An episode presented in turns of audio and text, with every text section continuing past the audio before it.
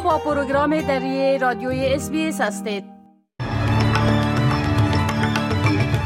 با عرض سلام ما صاحب شکیب شما را به شنیدن مهمترین اخبار امروز دوم ماه سپتامبر سال 2023 دعوت می کنم جناهای موافق و مخالف همپرسی در مورد ایجاد صدای بومی ها در پارلمان کارزارشان را شدت بخشیدند سه نظامی پاکستان در جنگ ها با شورشیان در ایالت خیبر پختونخوا کشته شدند. مقامات ایرانی به اظهارات سرپرست وزارت خارجه طالبان در مورد شمار اعدام ها در ایران عکس العمل نشان دادند.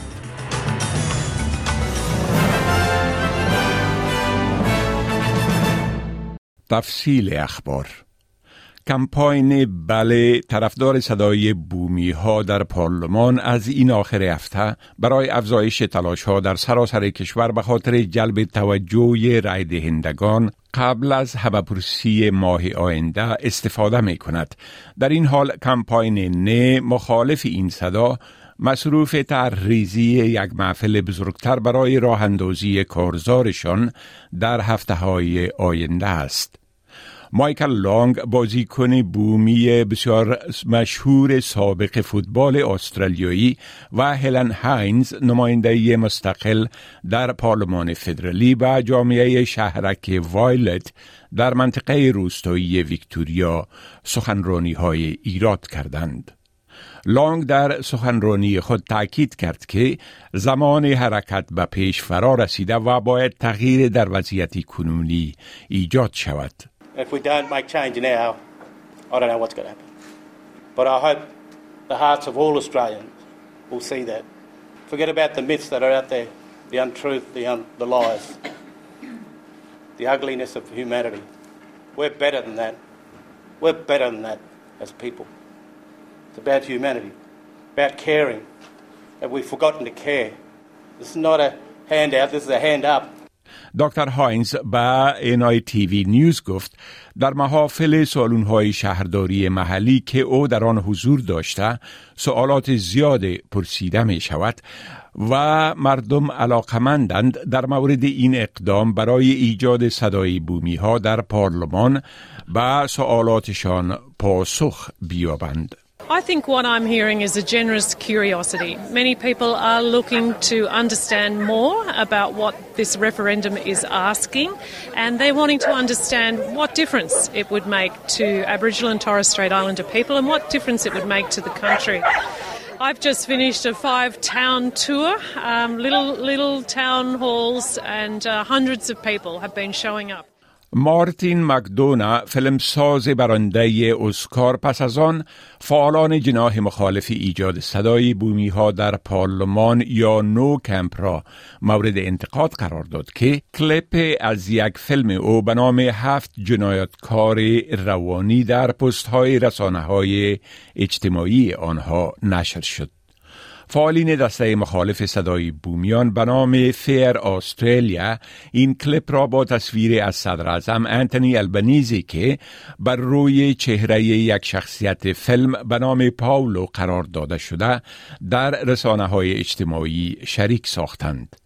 البنیزی در این کلیپ ساختگی همراه با علامت بله نشان داده شده که در آن پاولو شخصیت هنس را با اسلحه تعدید می کند و از او می خواهد که دستهایش را بالا بگیرد.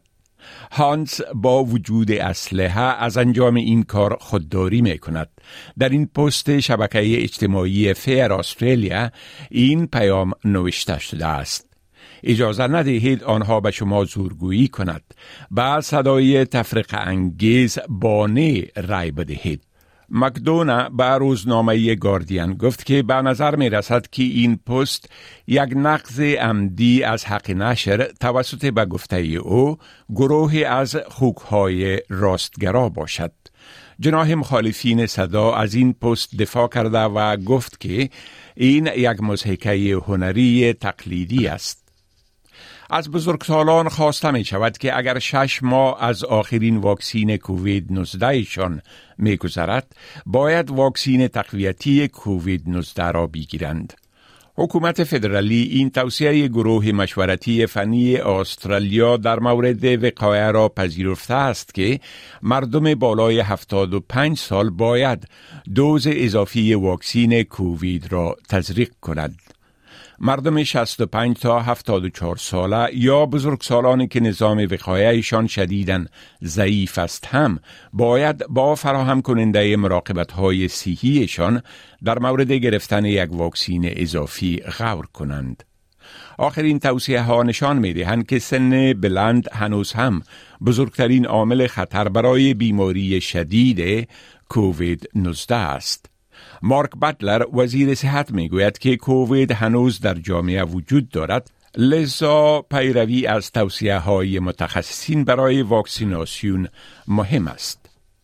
قرار است اولید آخر هفته بهار یکی از بزرگترین هفته خرید و فروش املاک در سال جوری باشد که این نشان دهنده برگشت اوج مزایده خانه ها پس از یک فصل کمرنگتر در بازار املاک در سال گذشته خواهد بود. به اساس ارقام نشر شده از طرف نهاد تحقیقات املاک به نام کورلاجیک استرالیا خریداران خانه می توانند در این آخر هفته از بین 2401 ملکیت فهرست شده برای مزایده در همه شهرهای مرکزی کشور انتخاب کنند. این شمار نسبت به هفته قبل 5.4 فیصد افزایش یافته و سومین آخر هفته مصروف سال از نظر معاملات املاک پس از هفته های منتهی به 26 فبروری و 2 اپریل خواهد بود که در آنها به ترتیب 2429 و 2687 مزایده انجام شد. این میزان همچنان نشان دهنده افزایش 46.6 فیصد در تعداد خانه های فهرست شده برای مزایده در مقایسه با شروع فصل بهار سال گذشته است که کایتلین ایزی اقتصاددان کورلاجیک این تفاوت را ناشی از شرایط ضعیفتر فروش در آن زمان به شمول افزایش نرخ سود و کاهش ارزش مسکن می داند. مقامات نظامی پاکستان می‌گویند که در ایالت خیبر پختونخوا دیروز سه نظامی در جنگهای با شورشیان به قتل رسیدند. اردوی پاکستان در یک اطلاعیه مطبوعاتی گفته که در یکی از این درگیری های مسلحانه در وزیرستان شمالی یک جگران اردوی پاکستان به نام امیر عزیز یک سرباز و یک تروریست کشته شدند. در یک درگیری دیگر در منطقه خیبر یک اسکر و یک شخص مهم توریست ها که در حملات علیه نیروهای امنیتی پاکستان و غیر نظامیان فعالانه شرکت می کرد کشته شدند. اردوی پاکستان قبل از این از کشته شدن نو سرباز و زخمی شدن چندین نفر دیگر در اثر یک انفجار انتحاری توسط یک موترسایکل سوار در میان یک کاروان وسایط نظامی گزارش داده بود. گفته می شود که در این اواخر گروه تحریک طالبان پاکستان و گروه داعش حملاتشان را به خصوص در بخش شمال غربی پاکستان افزایش دادند. مقامات ایرانی به اظهارات وزیر خارجه طالبان درباره شمار اعدامها در ایران واکنش نشان دادند. امیرخان متقی سرپرست وزارت خارجه طالبان در این هفته در سخنرانی در یک نشست علما و متنفذین قومی در کابل ظاهرا با توجه به پیشنهاد مقامات ایرانی در مورد ایجاد حکومت همشمول در افغانستان گفت شما که همیشه به ما حکومت فراگیر را توصیه می کنید آیا در کشور خودتان حکومت فراگیر وجود دارد؟ آیا شما حقوق مردمتان را می دهید؟ او خطاب به ایرانی ها علاوه کرد که در زندان های ما آنقدر زندانی نیست که شما اعدام می کنید و در کشور شما هزاران نفر مفقود شده اند هیچ کس نمی تواند درباره آنها بپرسد. رسول موسوی معاون وزیر خارجه ایران و مدیر عمومی امور آسیای جنوبی این وزارتخانه در عکس عمل به این اظهارات بی سابقه آقای متقی در یک پیام در اکس نوشت با دو جانب سازی و شخصی سازی موضوع نمی‌توان از مسئولیت های بین المللی گریخت. آقای موسوی علاوه کرده که حکومت فراگیر موضوع قطنامه های شورای امنیت و اجماع نشست های وزرای خارجه کشورهای همسایه افغانستان در پاکستان، ایران، چین و ازبکستان است. ساکنان هنگ کنگ و بخش های دیگر جنوب چین در حالی که منتظرن بدترین وضعیت طوفان ساولا از منطقهشان بگذرد در داخل خانه هایشان پناه گرفتند. روز جمعه این طوفان عظیم به وضعیت طوفان عادی تنزیل یافت اما هنوز هم بادهای با سرعت 220 کیلومتر در ساعت را به همراه دارد. این شدیدترین طوفان است که در آن منطقه در پنج سال گذشته رخ داده است. مرکز ملی هواشناسی چین هشدار سرخ را صادر کرده که شدیدترین هشدار در سیستم اختار در مورد طوفان چهار سطحی آن کشور است. مقامات هنگ کنگ هم بلندترین سطح هشدارشان برای طوفان را که زیگنال شماره ده دانسته می شود صادر کردند. مریان بری ساکن هنگ کنگ می گوید که او و خانوادهش به خوبی آگاهی دارند که آخرین باری که هشدار شماره ده در سال 2018 برای طوفان صادر شد ده نفر جانهایشان را از دست دادند. The government has put a, a typhoon signal number 10, which is the highest signal in Hong Kong, and it's hurricane signal. So um, we're, we're, we're, seeing a lot of uh, trees uh, being toppled over. Uh, we're hearing a lot of banging. Uh, I can see my neighbour's walls about to uh, collapse. Um, and we're worried about the lamppost down here. So there's a lot of stuff going on.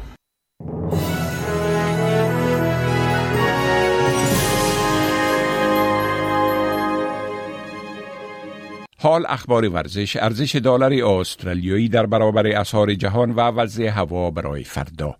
رنکی هیجیکاتا تنیس باز جوان استرالیایی با پیروزی بر جانگ جیجن از چین در تورنمنت جاری US Open برای اولین بار در یک مسابقه سه ساعته با دور چهارم یک Grand Slam راه یافته است. او که در این تورنمنت به اصطلاح یک wild card است. به این معنا که بدون گذشتاندن دور شایستگی در آن شامل شده صبح امروز به وقت بخش شرقی استرالیا رقیب خود را در چهار ست با نتایج 6 3 6 3 4 6 و 6 3 شکست داد. این بازیکن 22 ساله از همان شروع مسابقه پر انرژی معلوم می شد و برعکس رقیب او جانگ در دو ست ابتدایی به حال به نظر می رسید. ارزش یک دلار استرالیایی در بازارهای تبادله اسعار معادل تقریبا 50 افغانی 65 سنت امریکایی 60 سنت یورو و 51 پنس بریتانوی می باشد. و حال پیشگویی هوا در شهرهای عمده استرالیا برای فردا. ملبورن آفتابی 20 درجه سانتیگراد سیدنی اکثرا آفتابی 19 درجه سانتیگراد کمبرا آفتابی 18 درجه سانتیگراد برزبون اکثرا آفتابی 25 درجه سانتیگراد ادلید آفتابی 24 درجه سانتیگراد پرت بارش 17 درجه سانتیگراد هوبارت آفتابی 18 درجه سانتیگراد و داروین اکثرا آفتابی 33 درجه سانتیگراد این بود تازه ترین اخبار از پروگرام دری رادیوی SBS